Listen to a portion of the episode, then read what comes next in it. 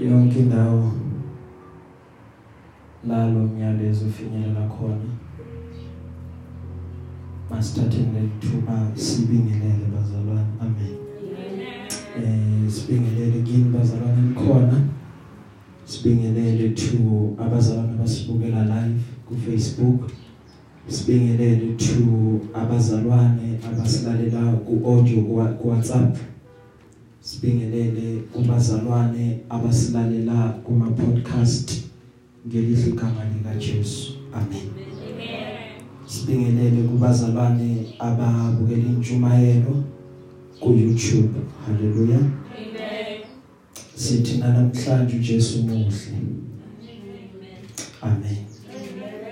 Eh bazalwane njengoba nazi ukuthi si shonelwe umama ongizalayo and I know ukuthi some of the things vele eh besingazivezi camera but empilweni zethu njengebandla it will never be the same. Hallelujah. Yeah. because bekade enza konke and esithwele futhi kakhulu even nangomkhuleko hallelujah. But amandla okuqhubeka njengoba kade simbeka last week Saturday amandla okuqhubeka vele enkosini. Amen. I do believe ngiyakholwa ukuthi ubethandile ukuthi noma yena sengasekho but sikwazi ukuthi sisiqhubeke. Haleluya so sizoqhubeka ngokusizwa inkosi. Because ukudila ukudila nepain akuna category noma kunasikhathi namhlanje ngaba right. Sasa ngabi right. Namhlanje ngahleka kuvele lo mhlathi kube nento engifikisayo kusasa kube ngiyakhala so ayina time frame lento ngaphela 1 year kube nento ezotrigger ama memories. So angeke uzuthi eh akulinde kancane uphole. Ngiphola kanjani ku pain engenako kuphela uma wonke umuntu mawudibana naye mhlawumbe azothi uma wami ma wami uyakhumbula ukuthi oh konje wakho vela kasekho so there will always be that trigger but kuyohlala kuyinkosi njalo esisize endleleni amen haleluya eh wa wabeletha ke wabeletha amasosha. So loku akutshala iloko esiqhubeka na amen glory be to god. Namhlanje uNkulunkulu usenamandla namhlanje uJehova kakajiki usamile usahleli futhi uNkulunkulu esihlalweni sobukhosi. Ufanele udumo lonke yize noma ngabe izimo zinjani. Praise be to the lord. Ukuthi nasifila kanjani kumshintshe kuNkulunkulu bakhe?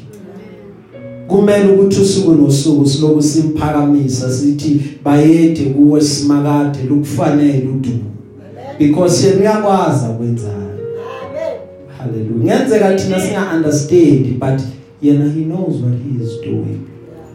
Kukhona umhlabelelo wakudala owawukade uhlatshelelwa uthi lo mhlabelelo ngokulandela msindisi wena owachitha igazi. Noma bonke bekudela kepha mina ngiyolandela. Kulendlela esihambayo kukhona abamdelayo. Kulendlela esihambayo kukhona abamhlubukayo. Athi lo hlabelelayo kodwa mina ngiyokulandela. Asimlandeleni bazalwane. Ukhona umvuzo kuye. Praise be to the lord. Namhlanje isihloko sanamhlanje sithi nje fishers of men. Ngiyacabanga ukuthi ngibhale lokho ku Facebook ukuba fish ukuthi fishers of men noma abadobi babantu. Sifunda incwadi kaMateyu Matthew chapter 4 amaverse mabili verses 19 and verse 20 Matthew chapter 4 verses 19 and verse 20 eh ngabe ngiyaphazama bazalwane uma mhlawumbe ngingabonga kakhulu eh once again ngiyabonga kakhulu isupport enisponse yona bazalwane. And eh more okay kubona bonke abantu siyabonga kakhulu. And even nemilayezo ibe miningi kakhulu. So siyabonga kakhulu bazalwane ukusixhasa nokwazi ukuthi noma sihlelwe yife limnyama kamotha but nikhona ninathi kukhulu lokho kithi. Si si siya appreciate siyathobeka kakhulu. Sithi ke kwanga inkosi yomusa inganibusisa inenzele kahle emgcini thela umusa wayo phezukweni haleluya eminye imiyalezo angikhonanga ukuphendula kuyo ngoba mningi kakhulu bazalwane. Bengazi ngiyoqala kuphi ngigcine kuphi but si siya appreciate kakhulu. Amen. Namhlanje sizothi fishers of men praise be to the lord. Lithi iBhayibheli uma silifunda incwadi ekaMathewu Matthew chapter 4 verses mabili lama verse u19 no verse 20 in english it reads as follows. Jesus called out to them come follow me and i will show you how to fish for people. And they left their nets at once and followed him. Ngesizulu ifundeka nganansi indlela wayesethi kubo ngilandeleni ngiyakunenza nibe ngabadobi babantu. Base bewashiya masinyana amanetha. Bamlandela. Elo yedwa sikhulekele sisayizwe.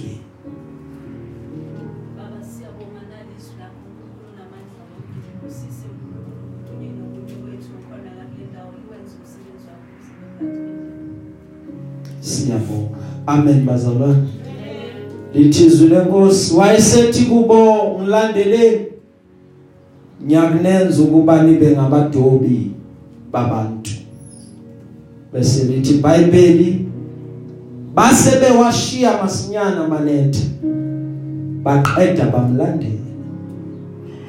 Em uma uJesu efika kulamadoda ngaselwandle laseGalili ume bathola baba ba bama experienced fishermen. Bayakwazi ukudoba baneminyaka bayenza lento. Umsebenzi abaphila ngawo uma bathathe amanetha bawaphonsa olwandle amafish bangawabamba. It means ukuthi ngalolo suku abazi ukudla they understood that because bebakade bayazi trade abaphila ngayo ukuthi ukuphila kwethu kula enhlanzini. And bese bal understanda even nolwandle ukuthi uma amagagasi nomoya umkhulu mhlamba ungeni phakathi kolwandle. Ngoba kusho ukuthi iskebe lesohamba ngaso singacapsize siwe phakathi kolwandle. They understood everything. Bebane experience uma ubabuza yini into enikwazi ukuyenza? Ngikwa bathi bona siyakwazi ukuba sidobe inhlanzi banama tips and tricks wokuthi inhlanzi bayibamba kanjani. Uyafika uJesu umefika kulamadoda uthi yekani lo msebenzi eniwenzayo maqeda bese niyangilandela. Mina ngizakunibonisa mina ngiyakunifundisa ukuba abantu badotshwa kanjani. Amen. Praise the lord. Amen. Kusho ukuthi uJesu umefika. Phela bengeke umane ufika uthi yekani lento eniyenzayo. Njengoba ngichaza umsebenzi bebazothi siyophila ngani? So uma efika uJesu he was worthy ukuba bamlandele. Babona ukuthi uma siyeka la kulungile ukuthi siyeke qeda simlandele ngoba umuntu ofanele ukuba landele Yeah. akusumuntu nje ukuthi angafika khuluma athi yekela bese nawe uyayeka. Omunye uzobheka iyo lo. Hayi mina ngingiyeke Yeah. afike nje ayihawulela la kuye yeke umsebenzi ngizabondla mina uzokuthi wena wondle mina Amen. ngathi uyaphala ngathi yimi engondla wena Yeah. because uyabona no no lo mm. akusiyo umuntu engathi ngisuka la ngithi ngiyamlandela but uJesu mefika nenkazimulo yasekhaya he was worthy ukuthi akalandela umehamba nabafundi khuluma nabo uthi kubafundi hambani nenze zonke izizwe abafundi. Babhabadisele egameni kaYise elendodana nelikamoya oyingcwele nibafundise konke nginiyale ngakho. Yeah. bhekani mina ngiyakuba nani insuku zonke. Kuze kube sekupheleni komhlaba. So ubanikeza leyo assurance uma sebaqedile ukumlandela ngoba ufike kubo wabenza ukuba babe ngabafundi bakhe waqala wabafundisa ukuthi how do you fish? For abantu because ukuthi akufane to fish for fish and to fish for people ngoba kunezinto ifishi eyaye iyithande kunabantu kunezinto abantu abaye bayithande. So udinga ukuba ube nodobo oyakubadoba ngalo so that bazoza balandele lento ishilo ngoba the great commission ithe ithi hambani nenze zonke izizwe. Abafundi abantu ivangeli bayalidinga kepha manje sithola ukuthi sine problem eyodwa yokuthi izisebenzi zingcosana Yeah. sebenzi wona mningi Yeah. but izisebenzi zingcosana Yeah. athi uJesu uma nihamba niyoshumayela Yeah. uma nifika emzini kweminye imizi abayi kunamukela Yeah. khumbula ngithi wabakhipha wa 2 by 2 wathi ambani oshumayela uma behamba wathi kuba kweminye imizi abayi kunamukela kweminye imizi bayonamukela manifika nithola ukuthula kuloyo muzi loyo. Fanele nifike nina bese nimemezela ukuthi ukuthula kwenu kuhlale phezulu kwalowo muzi. Yeah. uma nifika nithola ukuthi ukuthula kukho abanamkeli nina ukuthula kwenu kuyakubuya kini. Uma futhi benganamkeli uma niphuma nje bese nithintitha i-dust einyaweni zenu bese niyaqhubeka niyahamba. Imphefumulo yabo ayibuzwa kini ngoba imphefumulo yabantu esingabatshelanga ngokuba uJesu uyasindisa ukhona uyaphila uyayiguqula impilo yomuntu yobuzwa kithi uma thina singabashumayezanga. That is why we have to ukuthi sibashumayeze sithi noma ngabe umuntu udlula kuphi noma ngabe umuntu ubhekene nani batazi ukuthi ithemba linguJesu. Amathembe esikhashana yaphela izinto abantu abathembele kuzo ziyashabalala but ikhona idwala lasendulo elimile kuze kube phakade elithi iBhayibheli alidelana lishiyani usashorile ezwini lakhe. Wathi noma ngabe uyakuphi noma udabule emanzini amaningi mina uNkulunkulu ngiyakuba nawe.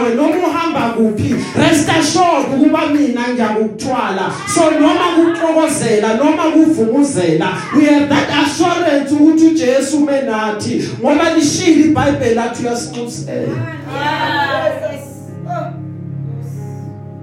umuntu umuntu mephila akasazi isikhathi sakhe. Lithi iBhayibheli njengeinhlanzi ezibanjweni ethini elibi nenyoni ezibanjwe ogibeni kanjalo abantu babekelwe isihibe Yeah. esifika ngesikhathi esibi Yeah. bese sikwehlela ngokukhulu kusuma Yeah. ngoba sakhe isikhathi awusazi Yeah. if bawusazi things would have been different Yeah. but because kufihliwe lithe iBhayibheli this thing ifihliwe in the hearts of people Yeah. ukuba umuntu angasazi isikhathi sakhe Yeah. njengeinhlanzi ezibanjweni ethini Yeah. kanjalo nakumuntu Ah. lithi iBhayibheli ngelinye ilanga ehamba uJesu ehamba nabafundi uboleka umkhumbi kaSimon Yeah. Uyakhuluma uyashumayela uyaqeda uma seqedile kuye uthi Simon qhubeka ba. Qhubekela ngasekujuleni. Yeah. uma ufika ngasekujuleni. Ngalelo langa bebakade bangabambanga inhlanzi Yeah. bengenakudla. Yeah. uthi qhubekela ngasekujuleni. Sekusekuseni kusemini kuyakhanya. Uthi mawufika ngasekujuleni qeda uthatha amanetha. Uwadedela amanetha. Uthi uSimoni Nkosi sishikile ubusuku bonke. Kepha sibamba lutho. Sanokwenzeka kade uzama. Sanokwenzeka uma ubuka impilo yakho kunezinto engahlangani. Ngizothi kuwe namhlanje qhubekela ngasekujuleni. Mawufike ekujuleni bese uyawadedela amanetha Yeah. kukhona inhlanzi ezizobanjwa. Lithe iBhayibheli uma sebewehlisile amanetha njengokusho kwezwi la Jesu bese amanetha abo wabamba inhlanzi eziningi kakhulu wabesayadabuka amanetha. Bathe nguthanda ngoSimon ukuba walalela izwi lenkosi elikhulume naye lathi go unto the deep bese you release the nets Yeah. ngokuthi ngokwezwi lakho Yeah. lokho okukhulumile siyakwenza Ah. praise be to the lord Amen. hallelujah Amen. uma uJesu sekafile Yeah. Esiphambanweni wabethela Yeah. waqede wavuka uJesu. Ubese uyahamba ngoba laba bantu okabafundi bakhe ngithe kuwe bebangayazi enye into. Bathe uma bembuka uJesu ukuthi ubetheliwe babuka ukuthi uJesu uthathiwe wamikiswa ethuneni. Bathi hey ithemba lethu lishabalele. Lo muntu bekade azosikhulula embusweni wamaRoma. Kusho ukuthi ayisekho indaba yethu. Kungcono sibuyele ekuyobeni abadobi. Basuka abosimoni babuyela bayodoba inhlanzi. Lithi iBhayibheli uma silifunda ngalelo langa ubedoba ehambaza. Kepha kwenzeka into efanayo bathi uma sebaphonsile amanetha bangabamba lutho. Haleluya. Amen. sebawareleasile amanetha bangabamba lutho. Waqhubeka ezama ukuthi adobe bese lithi iBhayibheli waqhamuka uJesu. Uma eqhamuka wathi bantwanyana alinako ukudla. Bathi yebo asinako. Wathi khiphana amanetha ngakwa right komkhumbi bese bawadedela amanetha njengokusho kwakhe ngoba batshelile ukuba uma niwakhipha ngakwa right kukhona inhlanzi enyakuzibamba haleluya. Bese lithi iBhayibheli uma sebawadedela amanetha babamba inhlanzi eziningi futhi. Kodwa this time amanetha zangadabuki because along the way along the path of life there is something efanele ukuba uyifunde uyazi uphinde uyiqonde ukuba fanele uhamba hambe uyomenda amanetha akho. Kwesinye isikhathi lezi zinto ofuna ukuyibamba awukhona ukuba uyibambe ngoba amanetha akha ayayivuzisa lezi zinto. Uyacabanga uma uselwandle uyiphonsile inetha amafishi uma sewafikile wabambeka bese amanetha ayadabuka. It means ukuthi inhlanzi kuyela phakathi. Lekheshe bekade uthi uyibambile sekuphelile ngayo ngoba amanetha akho ayobuye ngaphethe lutho that is why from time to time you need isikhathi to go and mend the nets. La ubona khona ukuthi kwangazuthi sekuyavuza kwangazuthi emoyeni wami angikho right. Uvuma ukuthi angikho right. Akulona iqala ukuthi ngithi angikho right. So that amanetha azomendwa because i identified the problem. Lapha sinenkinga. Yeah. uma uhlala ekhaya. Eh elokishini kakhulu sinenkinga amagundwane Yeah. nithi mhleli nani ya cross eh namagundwane wabona ngaphandle. Uma ngekho careful azogcina sendlini. Yeah.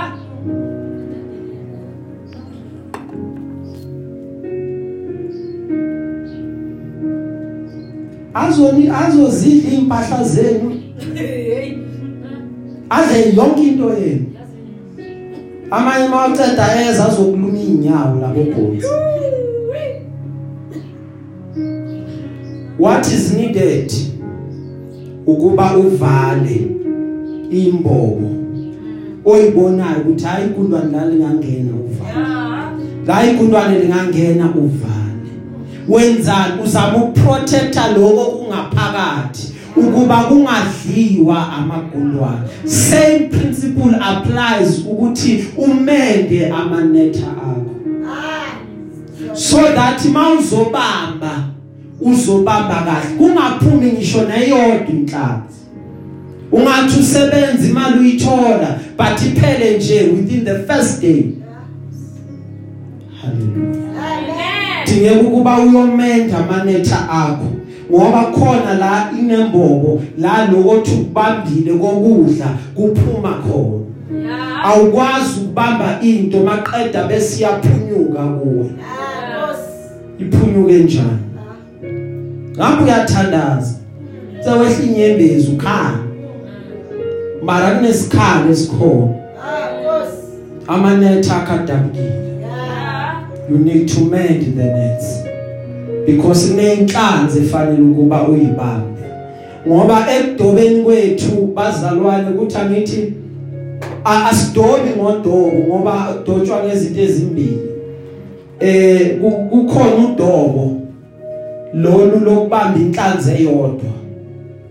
Asiphumi siyobamba inhlanzi eyodwa esikhathini esiningi. Siphuma siphethe amanetha sifuna ukuyobamba inhlanzi eziningi ekhaya unakekela abantwana unakekela ikhaya. Uphinde uzinakekela wena self. Uthi lokho engikutholile akona ukuthi okwenhlanzi eyodwa Yeah. okwenhlanzi eziningi. Uma ukhipha ukhipha amanetha ukuthi awayokubambela lezi inhlanzi khona uzokwazi ukuba uqhubeke uphile. Uma bedoba kunalento efakwayo ezoheha noma ezo attracta inhlanzi ebizwa ngokuba i-decoy noma ibait. Yile efakwa la phambili kudobo. Uma ulehlisa udobo lwakho ingekho lento inhlanza zizukuza ngoba inhlanzi zithanda lento ziattractwa yilento ebukeka iwukudla. Zithi mazithi ziyasondela bese iyabamba. Yeah. Into into nje kahle kahle esibizelwe ileyo ukuthi fanele ukuba the more siqhubeka sishumayela kube nento kithi ethandekayo ngevangeli siphile lento esikhulumayo abantu bayithande bathi ngiyafisa ukufana naloya. Bangathuma izulu likhona kuyongena loya nami ngingangena ngoba uphambene nalento ayishoyo. Yeah. Uma abantu bebuka inkambo yakho bese bayithanda iyona bait le yakuba donsi badonsele kuwe uma bekhuluma ngawe bathi uyadleka lo Yeah. bese uma sebafikile bathola uJesu Yeah. mase bafikile bathola ukusizakala Yeah. makabongwe Jesu Amen. nyaye ngizwe ke mina Yeah. abantu bekhuluma Yeah. And ekukhulumeni kwabantu akusiyona yonke into. Yeah. nawe kusengiyakusiza efanele uhambe nayo lokho kunye mm, ungangabo hamba nento ozizwile ongazazi. Ukuthi khulunywe ubani doesn't matter but awuyazi vele ungalandeli into ongayazi. Nento onganasiqinisekiso angaloku landela find affirmation ezwini lenkosi ngiye ngizwe abantu bekhuluma. Bathi mina 1952 ngayikhetha inkosi. Ngalelo langa ngangikhala ngayetendeni ngafike ngakhetha inkosi. Amen. Amen. but uthi uJesu makakhuluma angingikhethanga nina uyaliphutha labantu likuphi? Nina aningikhethanga yimina engakhetha Yeah. so mina angiyikhethanga inkosi iyona eyakhetha mina. That is why naseqhubekeni kohambo lwami fanele ukuba kungabi yimina obamba inkosi isandla. Ngicela ukuthi inkosi ibamba mina isandla. Yeah. ngoba esami isandla siyayekela. Esami isandla sibuthakathaka. Uma kwahluleka indoda eyayihamba noJesu bengingubani mina?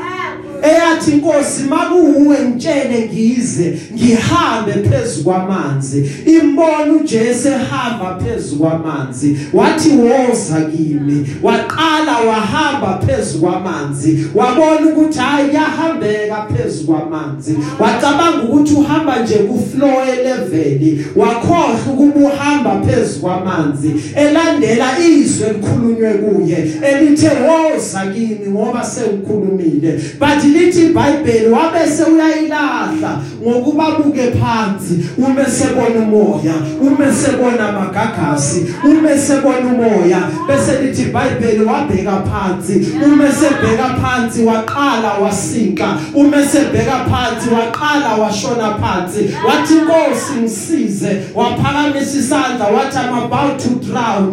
Bese uJesu welula isandla wathi why did you doubt? Yeah.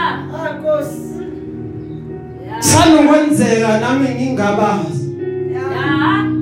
uma ngizothi mina ngiyayikhona zonke uma khona tsotsothle Yeah. zizongishaya Yeah. but yena uma engibambisana angazi ukumdedela Yeah. noma abantu bangakhuluma bathini ngawe focus yakho ingahlali ebantwini ungayilimazi ngenkulumo zababo ohlala bakhuluma abantu indaba zabantu ayipheli. Bawuthi mabeqeda ukukhuluma ngawe kuvela omunye baqhubeke bakhulume ngabo ngoba abantu bayakhuluma. Ngelinye ilanga uJesu unabafundi bakhe ngoba uJesu bonenze kangazi ukuthi uzokwenzani. Njalo ubehlala neplan lokuthi uyayazi into azoyenza ngizothi kuwe namhlanje noma udlula kuphi uJesu uyayazi into azoyenza ngempilo yakho. Njengoba usandlula ubona ngithi njengoba usadlula khona la kumnyama khona njengoba usandlula khona la uxakeke khona but uJesu uyayazi yena into azoyenza amen lithi iBhayibheli ngelanga wahlangana abantu uma behlangene abantu bahlala phansi. Uma behlala phansi wabashumayeza. Uma eqeda ubashumayeza sebalambile. Wathi ukudla singakutholaphi ukuze badle labantu lithi iBhayibheli beza kuya abafundi bathi Jesu ay uma noma sithi siyabala baningi kakhulu abantu ukuthi singabafida. Mhlambe nalapha ebakery masingathola izinkwa. Ababhakelanga abantu abangaka. Yeah. laba bantu ba more than 5000 so ukudla ayi Jesu ngathi angekile. Batshele bawudle emakhaya ungenani mhlawumbe? Mabafuna ukubuya bazophinde babuye. Ngoba even nebudget yabo bonke labala asinayo thina but ngoba ekwazi azokwenza. Wabuza ukuthi akukho khona yini. Bathi kunomfana. Uphethe izinkwe ezinhlanu uphethe amafisha amabili. Bekade kuyisikhaftini sakhe nje sokuqhubelanga wathi makeze lo mfana. Wathatha amafishi wathatha isinko wasibusisa meseqedile wasiphula wasihlephula ukuhlephula kwakhe isinko ukuhlephula kwakhe ufishi kusho ukuthi uthi fishi yanda. Sinkwa yanda. Ngoba ekhaya uma kunomama mama uthi mayibona inyama incane athathe leyo two piece C4 ekhaya. Ayihlephula ayitoka amaphisi amaphisi. Athi nyama yanda. So that bonke bazodla and lithi iBhayibheli uma eqedile uJesu badla bonke kwaphinde kwasalimva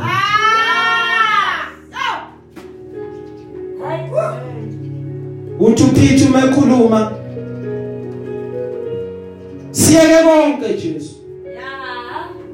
Mina Jesu ngangikade ngidoba ngayishiya inhlanzi benayimendlela zokudoba but ngayishiya uyakhumbula wathi wathi siye ukudoba inhlanzi uyosifundisa ukudoba abantu.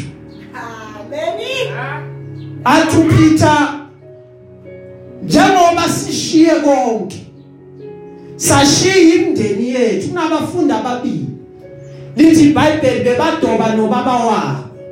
Wathi ukuvela uJesu bashiya baba saludoba bahamba bashiya ikhaya bamlandela. Uma beqhubeka bemlandela uPeter uyabuza Nkosi sidele konke? Sashiya imisebenzi yethu sashiya amakhaya. Siyothola ini ngokudela konke? Ingabe ukukulandela kuyize yini? Ngamanye amagama sikulandela mahala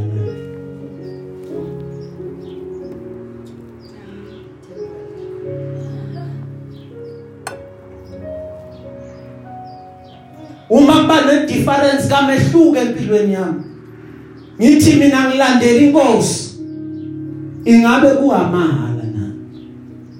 Abanye abayilandeli inkosi indanga zami every weekend ziye emgrooveni kumnandi.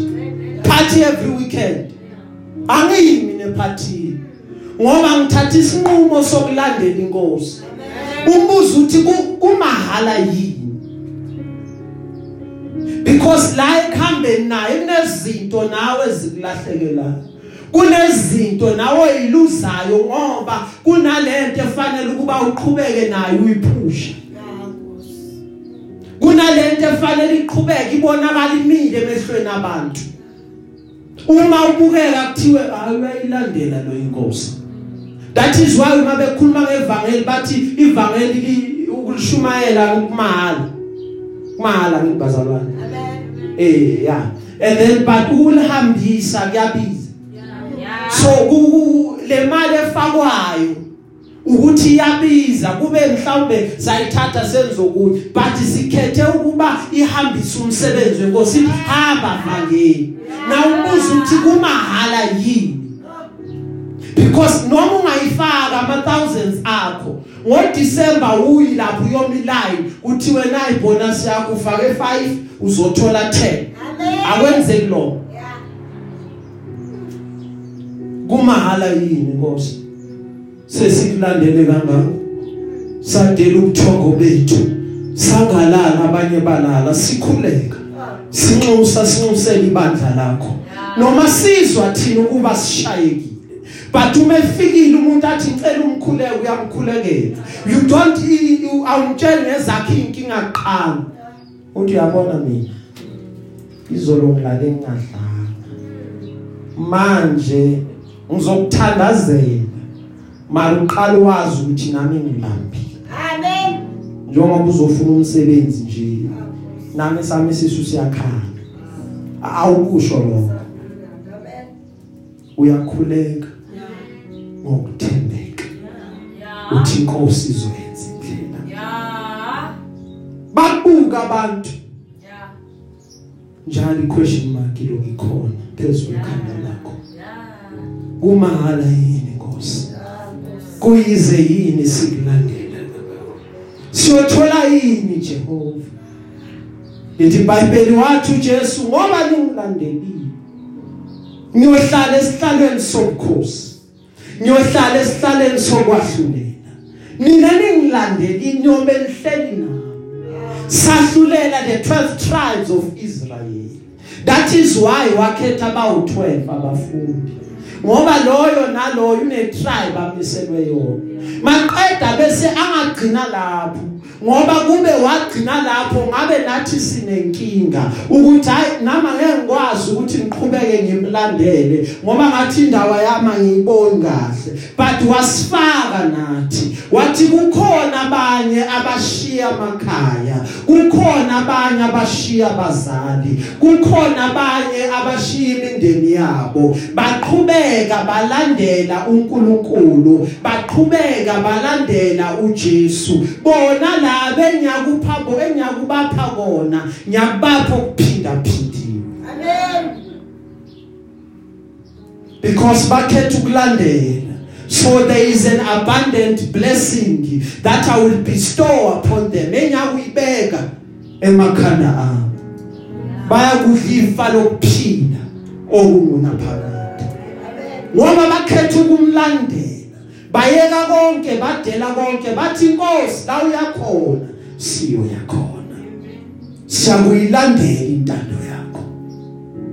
That's why Paul athi uma ekhuluma angikwazi ukuboasta ngokuba ngishumayela ivangeli ngoba ngimele ukuba ngilishumayele ivangeli. Kunalento engene ngaphakathi kimi. Athi uJeremiah umeyichaza ingumlilo ngaphakathi. Iyavutha kimi ngaphakathi. Uma ngithi ngiyathula kwazi ukuthula. Ngoba wena Jehova ulwe nami wangahlula. Jehova angisakwazi ukusuka kuwe. Ngoba wena uNkulunkulu uhlezi unami. Yeah. ende njalo uthi khuluma Jeremiah. Khuluma izwi lami ubatshele ukuba mina nginguJehova ngithini? Ungesabi ngokuba mina nginawe. That's why uPaul athi angikwazi ukuthatha udumo ngilithathe ngilwenzo lwami ngoba mina ngimisela ukuba ngishumayele ivangeli. Aqede athi maye kimi mangashumayeli ivangeli. Ngoba nginawo amahloni ngevangeli ngoba ivangeli lingamandla kaNkuluNkulu lingukuphila kwaNkuluNkulu that is why ngingazibeki phansi. That is why ngingathuli ngalento. Yeah. engaphakathi lento iyavutha.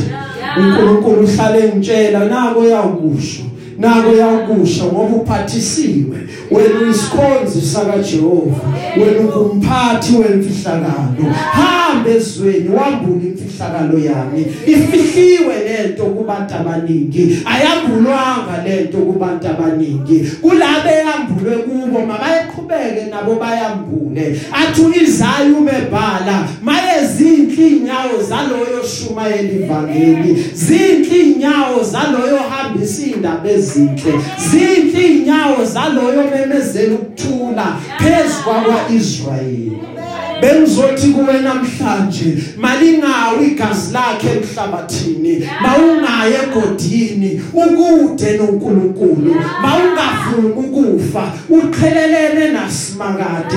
Mthathe namhlanje abeyinkosi mthathe namhlanje abeyithemba lakho. Usungagudluke enkosini. Hlala kuJehova.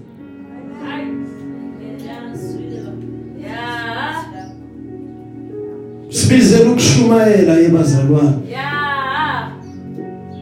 isincwadi kaTimothy shumayela izwi Yeah. uqinise kuyisikhathi kungasisi isikhathi.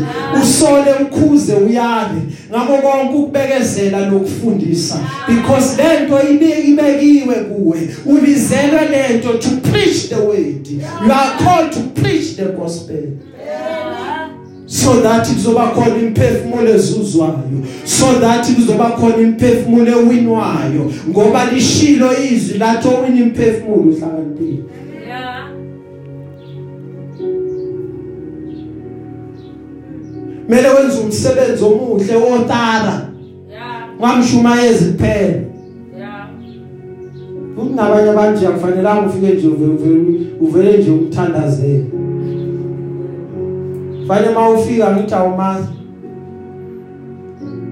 noma kugulo kwani uthi hayi wo fosithandaza uNkulunkulu khona uzakuphilisa Yeah. mara uke wezwa ngoJesu Ah. ake siqale la kuJesu uqala uvume ukholwe ngenhliziyo Amen. uvume ngomlomo ukuthi uyasindisa qala Yeah. bese sizaqhubeka sithandazela lokhu Yeah. haleluya Amen. kanjalo usuyiwinile Yeah. because indaba imayilana nomphefumulo Yeah. indaba yikho mayilana namagama wamabandla Yeah. baningi bayawashiya amahle nama econ Yeah. namakhapethi mawunyathela inyawo lakho liyashona Yeah. indaba yikho about amabandla Yeah. indaba it's about umphefumulo wakho your soul Yeah. Mawushiya when you depart from this body Yeah. umphefumulo uyakuphi Yeah. the izwi lenkosi Yeah. abawini imphefumulo bahlakaniphile Yeah. laba bahlakaniphile athi Daniel uma ekhuluma bakhanya ngokukhazimula kwesibhakabhaka abaphendulela abaningi enkosini bayakhanya njengeinkanyezi kuze kube phakade. Uma unemphefumulo izuzile uyokhanya njengestar. Yeah. until forever Yeah. because kunama levels e crown ayohlala ekhanda lakho. But ngaphezulu kwabona konke uyokukhanya njengestar. Yeah. because to God you are a star. Sengcina lithi iBhayibheli uma likhuluma. Kahle kahle ukhuluma uJesu. Uthi uJesu ezulwini kuyathokozwa ngokuphenduka kwesono sisodwa athi sibaleke kakhulu lesi sono. Kunalabo abawu 99 abangadinge kuphenduka uma umuntu namhlanje athi ngiyaphenduka Jehova ngingowakho sengubalekela isikhathi eside. Izulu liyahlokoma. Lithi samzuza ubeseye kufeni manje useyongena ekuphileni. Sekune change eyenzekile even nasekuphileni kwakhe kunenguquko eseyiqalile yenzeka. uJehova uzokwenza make sure ukuba lo mphefumulo uqhubeke emandleni wokukholwa izwi lakhe. Uma eqhubeka naye ehlanganyeni eqhubeka naye efundiswa siloku simguide njalo ekwazini uNkulunkulu? Simnikeza ivangeli njengoba linjalo uzozwa amandla. Alokangena kuye ngaphakathi ayiphile le. Noma bowumaza nje omunye uthi mawumbuka ukuthi hayi lo iyabheda but ngokushintsha impilo yakhe athani nasengamkela inkosi sengaguquka. Ezinye zezinto angisazenzi ubona ukuthi ngempela uNkulunkulu uyasindisa. Ngaye lo yedwa lithi iBhayibheli izulu liyahlokoma because ufana nenhlanzi. Eseyibanjiwe Yeah. haleluya Amen. umehluko sekuba ukuthi lenhlanzi ibanjwe nethini elihle Yeah. hayi libi ngoba leli netha Yeah. linokuphila Yeah. leli netha linamandla Yeah. asambeni bazalwane Yeah. siyezweni Yeah. siyolishumayela ivangeli Yeah. Abantu abazi ukuthi benze njani Yeah. abantu amathemba abashabalele Yeah. kulesi sikhathi awunayo into ngathi ngisime ngayo Yeah. whether uma unganayo medical aid lesikhathi uyafana nomuntu one medical aid Yeah. because zigula zonke anakuthi kukhona ongcono kulesi sikhathi banye bebasebenza imisebenzi emihle.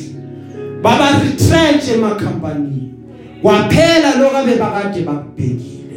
Abantu badinga ithemba. I-depression iskyrocketile konke okunye ukugula konke komkhumbulo kuphakeme. Because amathemba abantu ashabalele. Bathi likhona ithemba. uJesu igama lakhe. Jesu uyawukuma nathi kuze kube sekugcineni. Athi ohlabelelayo ungena nathi akawucisha umlilo sithi uma siphakathi simthole phakathi. uNkulunkulu uyaphana amandla. uJehova kasuku ukushiya uma ufuna wazi ukuthi ngazi njani ngibone kimosa Yeah. bona ngathi izwakala kancane. Yeah. ya singagcwali kakhulu ukuthi wahamba nabo John Jobe. Bese uzombuza ukuthi uJobe waphila nini? Ngithi kudala. Yeah. ayithi bayabuzana abantu. Manje ingcono mangizothi ngimbonile mina kimi. Eh ngoba eminye imibuzo noma ngibona ukuthi angeke ngikwazi ukuyiphendula mara le yami ngizosheshe ngiyiphendule. Amen. Amen. Eh ngoba ezinye zezintathu eziseBhayibhelini fanele ubuyele futhi uqale uyochecka kuqala. Okunye uhambe uyothandaza. Because iBhayibheli iBhayibheli liphelele kwizwi laNkulunkulu yes but kunama text a supplement what is written here. Hallelujah. Amen. Ku- ku- ku- kukhona nje iverse okay angeke ngize ngene kulo kakhulu. Khona iverse lele lithi uDavide em wa wa- wa- wenza survey in lokubala kwabantu census against the plan of God. Then uNkulunkulu wa- wathumela ukuthi okay David emele uyikhethele e- e- e- okuzokwehlela. Wathi kungcono uma ekhuluma noGad wathi kungcono siwele esandleni saJehova singawele esandleni sabantu. So bekumele ukuthi akhethe izinto ezintathu now lelo that's part of scripture uma uyifunda kakhulukazi ngesizulu yakudida until you get another uh, source so that uzokwazi ukusupplement oh la kahle kahle kuthiwa uyabo. So uma ulifundile nje manje. Umuntu angeke kwazi ukumtshela straight ngaleso sikhathi. Dinge ukuthi ubuyele uyo supplement now uma ezongibuza ngeyami impilo impendulo ihlala ikhona. Amen. ngimbonile endithwala namanje uyaqhubeka uyangithwala. Haleluya Amen. Amen. uphana amandla. Uma ungangibuza sengigcina Yeah. sime ngibukene naso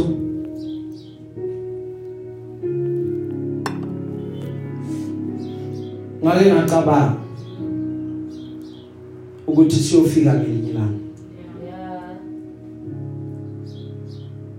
ngike ngacabanga ukuthi mhlawumbe into engiyobe ngikhala yona hayi kuyobe kunzima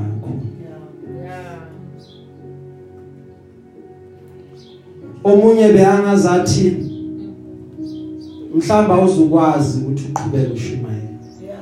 Yeah. ukulinda linde but inkosi ngokuthembeka kwayo Yeah. iphana amandla Yes. so mawufuna ukwazi ukuthi ngaze